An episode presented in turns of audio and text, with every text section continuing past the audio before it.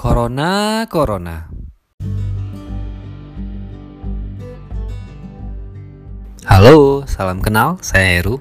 Di podcast ini saya akan ngebahas segala macam tentang film. Bisa berupa info, rumor, dan lain-lain. Pokoknya segala macam tentang film. Di episode yang pertama ini, kita akan ngebahas sebuah kejadian luar biasa yang beberapa bulan terakhir terjadi di seluruh dunia. Total mungkin sekitar 141 negara sudah mengkonfirmasi bahwa warga negaranya terjangkit oleh virus ini.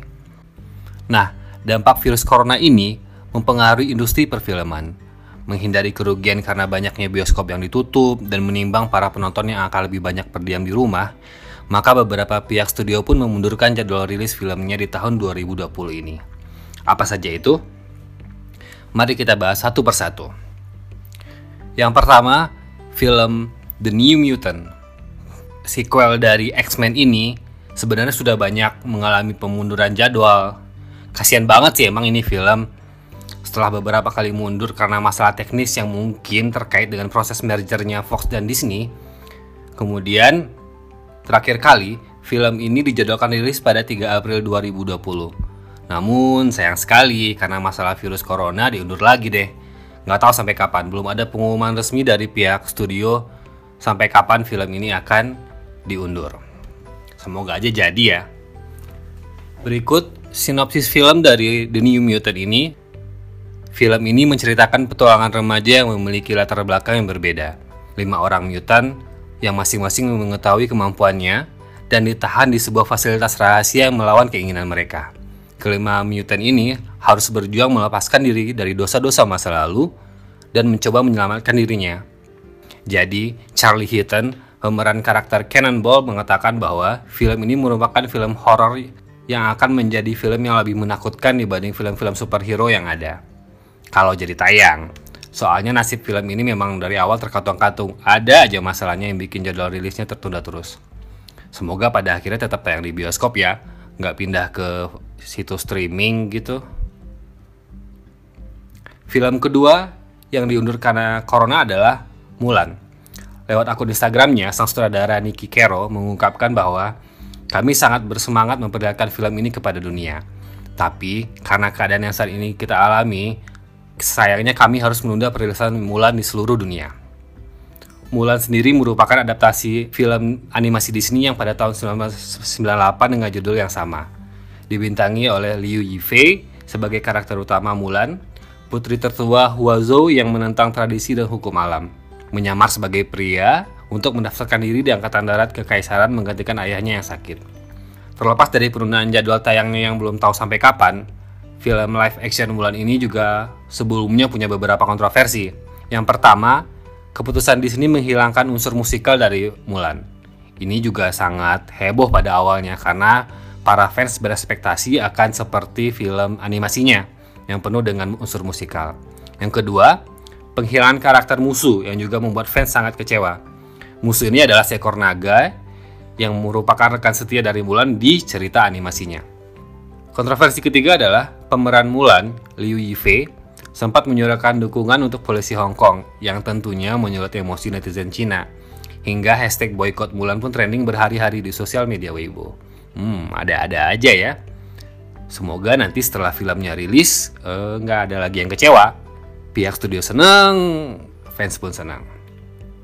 Film ketiga yang diundur gara-gara corona adalah film Antlers, sebuah film sci-fi horor garapan dari Scott Cooper yang awalnya dijadwalkan rilis pada tanggal 17 April 2020 ini. Kemudian harus mengalami penundaan sampai batas waktu yang belum ditentukan.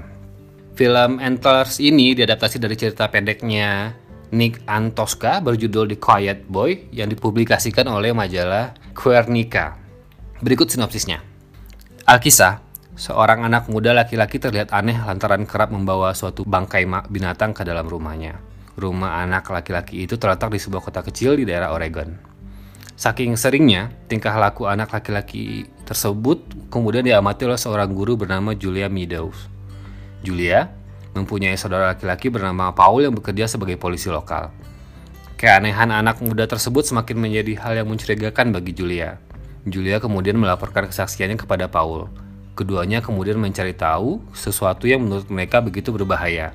Tibalah mereka berdua pada suatu fakta bahwa anak muda laki-laki tersebut menyimpan rahasia mencekam sekaligus menakutkan. Ada yang tertarik pengen nonton filmnya? Semoga segera keluar jadwal rilis terbarunya ya. Kalau enggak ya mau nonton di mana? Film keempat. Nah, ini nih. Film tuh tunggu banget nih. A Quiet Place Part 2. Setelah film pertama yang cukup membekas, karena ngasih pengalaman nonton yang berbeda tentunya, Perilisan film kedua ini ditunggu banget sama banyak orang. Awalnya film ini direncanakan akan rilis pada tanggal 18 Maret ini. Ya, hari ini nih, hari di mana podcast ini tag. Sinopsis singkat dari film A Quiet Place 2 ini sebagai berikut. A Quiet Place Part 2 menceritakan kisah setelah berakhirnya segala kejadian yang terjadi di rumah. Tiga anggota keluarga Abbott, yakni Evelyn, Regan, dan Marcus, tampak sangat berhati-hati saat melangkahkan kakinya di atas pasir dan tanah hutan. Mereka melangkah di luar rumah, ketiganya berusaha agar tidak menimbulkan sedikit bunyi pun saat melangkah. Bahkan di siang hari, saat itu suasananya terasa begitu sunyi dan sepi.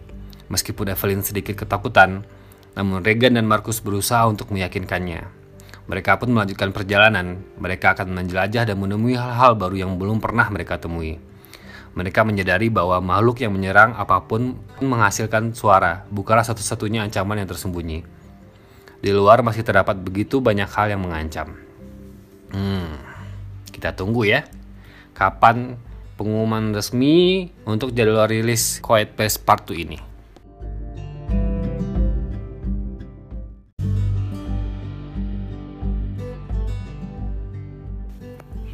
Jadi, itu dia empat film yang ditunda penayangannya karena wabah virus corona. Saya dapat update beberapa film lagi nih yang ditunda. Tapi kita lanjut di episode kedua ya.